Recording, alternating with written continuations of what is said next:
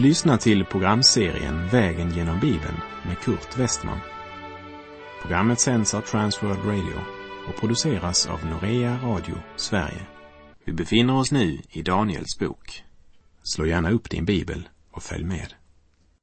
Vi avslutade det förra programmet med att nämna att guldstatyn i Daniels tredje kapitel den har något gemensamt med vilddjuret i Uppenbarelsebokens trettonde kapitel, om vilket det står. Och man tillbad vilddjuret och sade, vem är som vilddjuret och vem kan strida mot det? Som det står i Uppenbarelsebokens trettonde kapitel och fjärde vers. Nebukadnessar sa, om ni inte tillber då ska ni i samma stund kastas i den brinnande ugnen. Och vilken Gud ska då kunna rädda er ur mina händer? De tre unga judiska männen svarar, O Nebukadnessar, vi behöver inte svara dig på detta. Det är som de säger, det är inte oss du anklagar, det är vår Gud och vi behöver inte försvara honom. Han ska nog svara dig. Ibland så är det bättre att tiga än att börja diskutera andliga verkligheter med en som inte har någon förutsättning att förstå vad vi pratar om. Som Paulus skriver i Första Korinterbrevets andra kapitel, verserna 14 och 15. En oandlig människa tar inte emot det som tillhör Guds ande. Det är dårskap för henne och hon kan inte förstå det eftersom det måste bedömas på ett andligt sätt. Den andliga människan däremot bedömer allt, men själv kan hon inte bedömas av någon. Och så var det också för Nebukadnessar Tankegången hos dessa tre judiska män förstod han ingenting av. De vill alltså hellre ge sitt liv i den brinnande ugnen än att tillbe Nebukadnessars guldstaty. Nebukadnessar vet ju inte att deras val i denna svåra prövning är ett resultat av att de valde Guds väg redan från första början.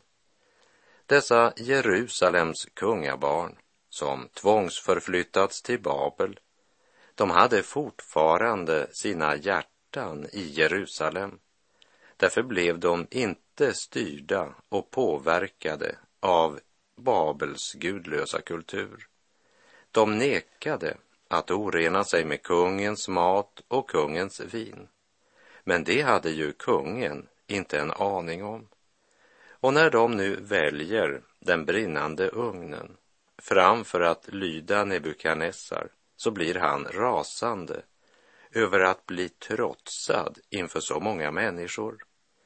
Nebukadnessar tillhör en av alla de många människor som är mycket mera upptagna av hur en sak ser ut än hur den verkligen är. Vi läser i Daniel kapitel 3, vers 19 och 20. Då fylldes Nebukadnessar av vrede mot Sadrak, Mesak och Abednego så att hans ansiktsuttryck förvandlades. Han befallde att man skulle göra ugnen sju gånger hetare än man någonsin hade sett den vara och han befallde några av de starkaste männen i hans här att binda Sadrak, Mesak och Abednego och kasta dem i den brinnande ugnen. Stackars lilla diktator som står hjälplös inför kompromisslösa Guds barn. Hans sinne kokade, han rasade. Hur ska han få visa sin makt över dessa tre plus alla närvarande. Plötsligt skriker han som ett desperat barn. Gör ugnen sju gånger hetare.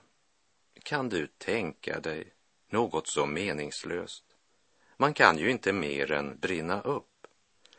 Temperaturhöjningen förändrade ingenting.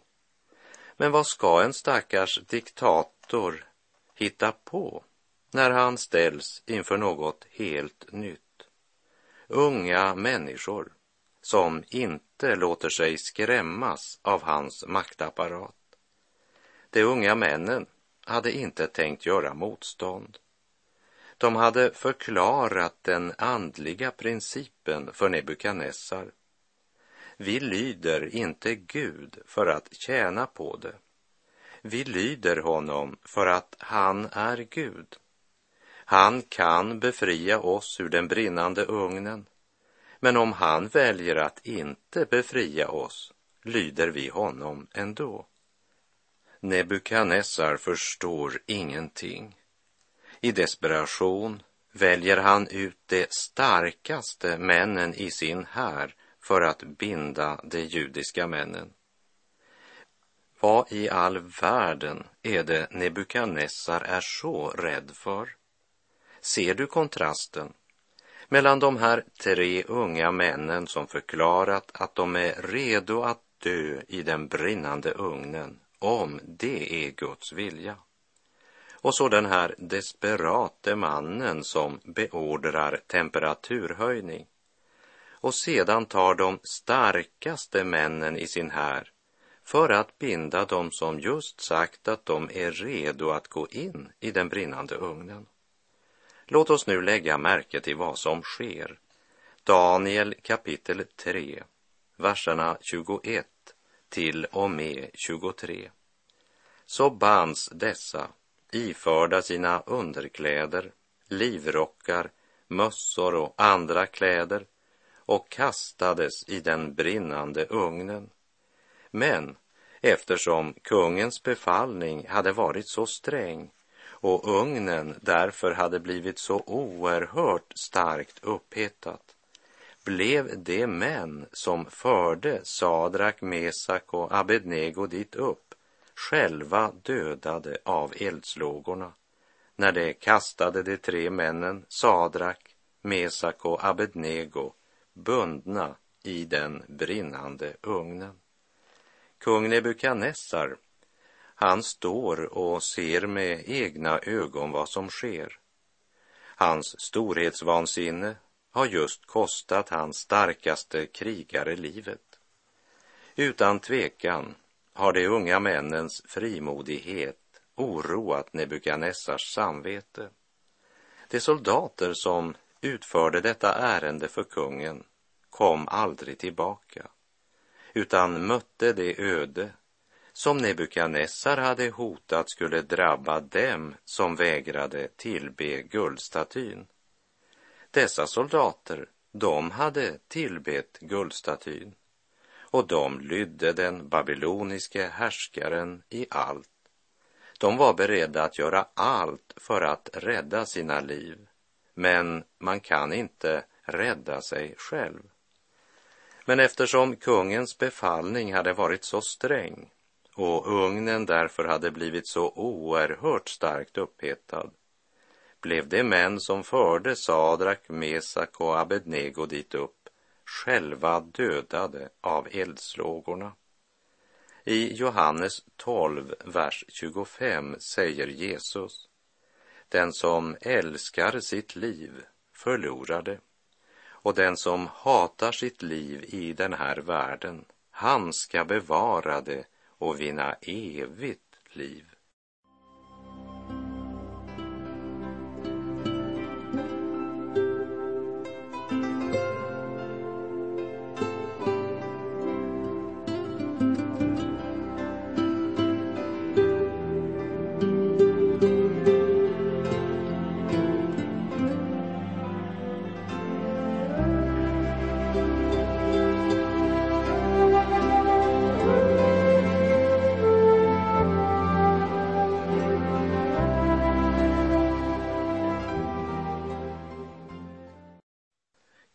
Nebukadnessar ser med egna ögon hur hans starkaste män plötsligt dödas av eldslågorna. Klart att han blir förskräckt. Men inte nog med att de som kastar de tre männen in i ugnen själva dödas av eldslågorna. Dessutom ser Nebukadnessar en fjärde man inne i lågorna. Vi läser Daniel kapitel 3, verserna 24 och 25. Då blev kung Nebukadnessar förskräckt. Han steg hastigt upp och frågade sina rådsherrar. Var det inte tre män vi band och kastade i elden? De svarade, jo visst, o konung. Då sade han, ändå ser jag nu fyra män som går lösa och lediga inne i elden och de är helt oskadda. Och den fjärde ser ut som en gudason. Ugnen var uppenbart en öppen eldhärd och kungen hade räknat med att de tre männen skulle förtäras på bara ett ögonblick. Babels starkaste män blev förtärda av lågorna som Babel själv hade tillrätt. Men det är inte undret att de tre männen fortfarande lever som förskräcker kungen. Men det är den fjärde mannen, han som såg ut som en gudason. Alla viktiga och ledande personer i Babel är samlade och får höra hur mannen som rest avguden av guld måste förkunna Guds sanning för sina underordnade. Jag ser en fjärde person och den fjärde ser ut som en gudason. Där sa du ett sanningens ord, Nebukadnessar. Det är en gudason, den inkarnerade Kristus, Messias, frälsaren som är hos de sina, mitt i eldlågans prövning. De tre kompromisslösa männens erfarenhet blev offentligt förkunnad av Nebukadnessar själv. Jag ser nu fyra män som går lösa och lediga inne i elden. Lösa och lediga, ja, det vill säga det enda som förtärdes av elden, det var det band som kungen i Babel hade låtit binda dem med innan de kastades in. På samma sätt kan vi som Guds barn göra den erfarenheten att den prövning som andra trodde skulle knäcka oss blev ett Guds medel att frigöra oss från band som vi tidigare varit bundna av. Det vi läser här, det är ett gudomligt mirakel. De tre unga män som kastades i den brinnande ugnen, men som tillsammans med Guds son vandrar omkring lösa och lediga, det är ett under. Det finns ingen annan förklaring. Och jag vill gärna personligen säga jag tror också detta skriftens vittnesbörd. Det är en historisk händelse vi här läser om. Det är en levande verklighet. Låt oss ifrån Daniel kapitel 3 komma ihåg att det var han som i vredesmod beordrade att överhetta ugnen och som full av hat lät binda dem och ger order om att de kastas in i den brinnande ugnen. Det var han som blev tvungen att gå fram till den brinnande ugnens öppning och ropa på dem och be dem komma ut igen. Daniel kapitel 3, verserna 26 och 27. Sedan gick Nebukadnessar fram till den brinnande ugnens öppning och ropade Sadrak, Mesak och Abednego, ni, den högste Gudens tjänare, kom ut, kom hit. Då gick Sadrak, Mesak och Abednego ut ur elden.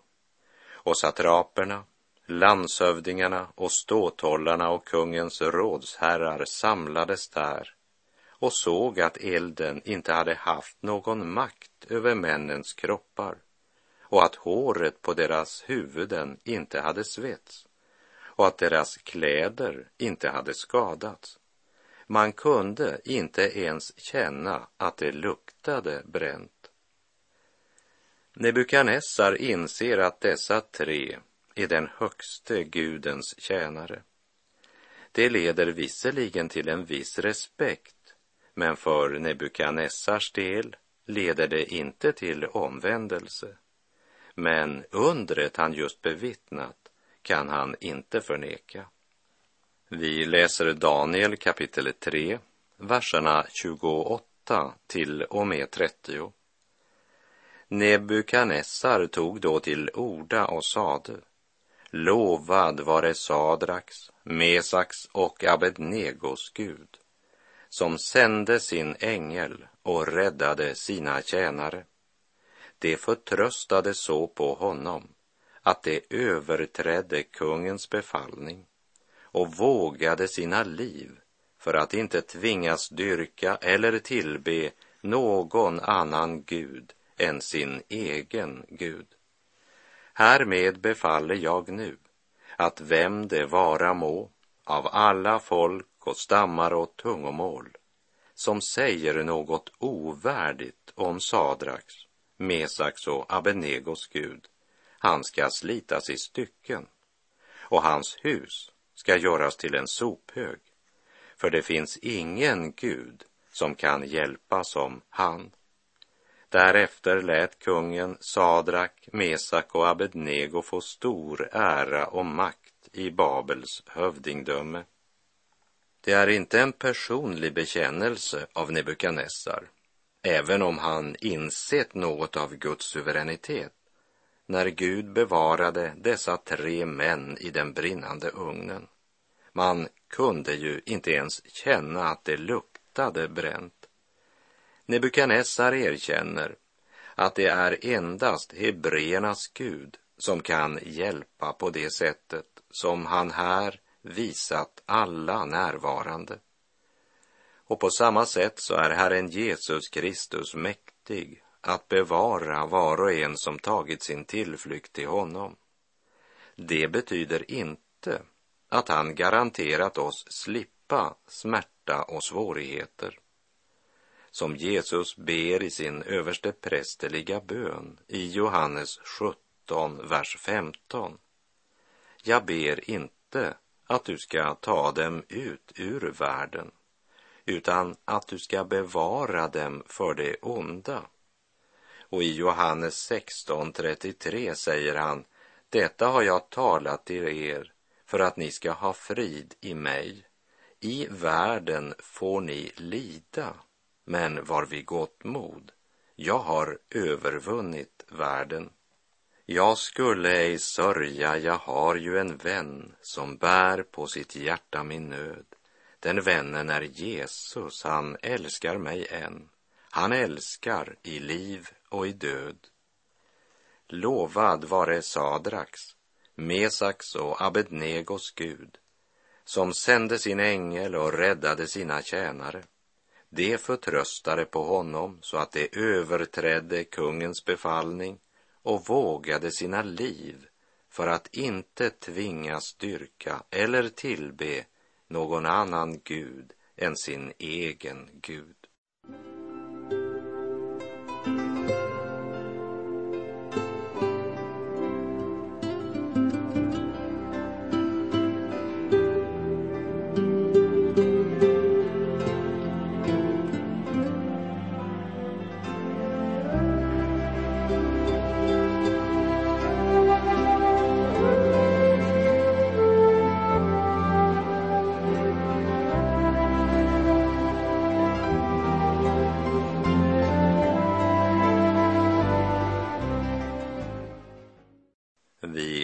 Läser i Daniel kapitel 3, vers 31 till och med kapitel 4, vers 2. Kung Nebukadnessar, till alla folk och stammar och tungomål som finns på hela jorden. Jag önskar er fred och framgång. Jag finner för gott att härmed kungöra det tecken och under som den högste guden har gjort med mig. Stora är hans tecken, mäktiga är hans under. Hans rike är ett evigt rike. Hans välde varar från släkte till släkte. Jag, Nebukadnessar, levde i lugn och ro i mitt hus och var lycklig i mitt palats. Då fick jag en dröm som skrämde mig. Jag oroades av drömbilder på min bädd och av syner jag såg. Han hade egentligen aldrig haft det bättre. Han stod på toppen av sin makt och karriär och levde lycklig i sitt palats. Alla yttre omständigheter var så bra som de kunde bli och livvakten garanterade hans trygghet. Men mitt i den bekymmerslösa vardagen blåser en vind ifrån evighetens värld genom palatset i Babel. Kung Nebukadnessar, världens mäktigaste man, men han kan inte bestämma över sina drömmar. Han fick en dröm som skrämde honom, det erkänner han. Vi har alla våra drömmar, blir det sagt. Men då tänker man väl mera på verklighetsflykt. Men här handlar det alltså om något Nebukadnessar drömde. Och han anar att det är något mer än en dröm. Det är ett profetiskt budskap. Kanske anar han också något av vad den betyder. Att han själv snart stod för fall och det skrämde honom. Men kanske var det så att det han drömt betydde något helt annat. En dröm, en händelse eller ett ord, det kan bli till en tankeväckare. Gud använder många olika sätt när han försöker väcka människan ur den sömn som kallas likgiltighet. Gud talar till Nebukadnessar genom en dröm om vilken kungen säger att den skrämde honom. Men han kallar inte på Daniel. Inte heller ber han till den Gud som Daniel vittnat om. Nebukadnessar, han är ju Babels tankegång personifierad. Babel är fullt av stjärntydare besvärjare och spåmän. Ja, lägg nu märke till Nebukadnessar vad han gör när han oroas om natten av drömmar. Vi läser i profeten Daniel kapitel 4, verserna 3 och 4. Därför befallde jag att man skulle hämta till mig alla de vise i Babel för att det skulle tala om drömmens uttydning.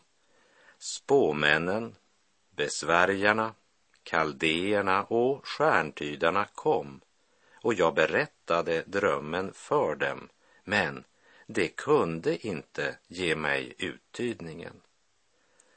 Förra gången Nebukadnessar hade en dröm så visade det ju sig att varken spåmän eller stjärntydare eller någon annan av dessa vise män hade kunnat hjälpa. Men Nebukadnessar, han har visst inte lärt någonting av det som då hände. Han söker än en gång hjälp hos dem som inte kan hjälpa. Och han konstaterar samma sak som sist efter att Nebukadnessar har berättat sin dröm så kan ingen av dem ge honom tydningen. Och det är egentligen en god illustration av situationen. För i nödens natt har världen ingen verklig hjälp för en själ i nöd. Allt den skrämde och oroade kungen fick veta av stjärntydarna spåmännen och besvärjarna, det var.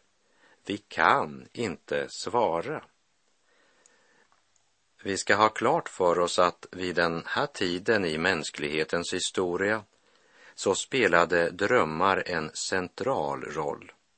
Drömmar hade stor betydelse eftersom man vid den här tiden inte blev uppfostrad genom tryckta böcker, tidningar, radio, television och reklam, men genom att vara tillsammans, umgås, genom naturen och genom uppenbarelser och då ofta i form av drömmar.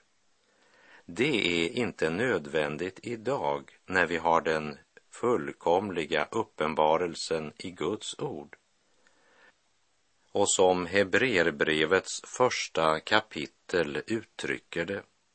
Sedan Gud i forna tider många gånger och på många sätt hade talat till fäderna genom profeterna har han nu i den sista tiden talat till oss genom sin son.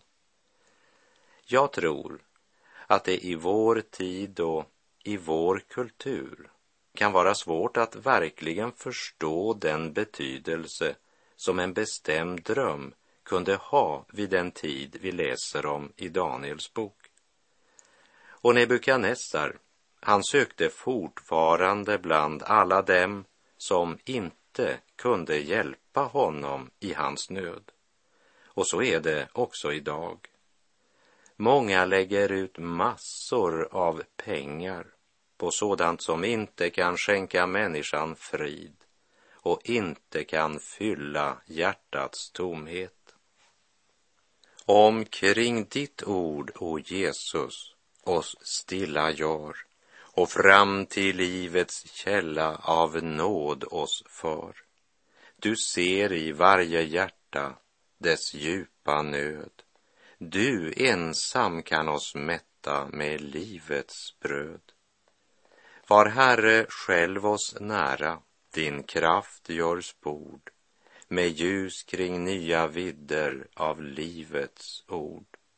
Låt något fridlöst hjärta dig möta här och se och smaka, Herre, hur ljuv du är. Led oss allt mer, o Jesus, i ordet in och öppna våra ögon för nåden din. Det djup av evig kärlek som bor i dig. Låt över varje hjärta få gjuta sig.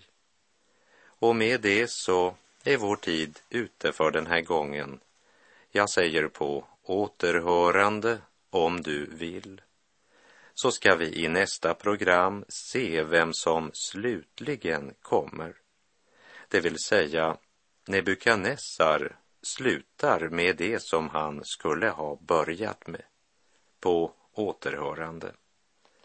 Herren vare med dig må hans välsignelse vila över dig. Gud är god.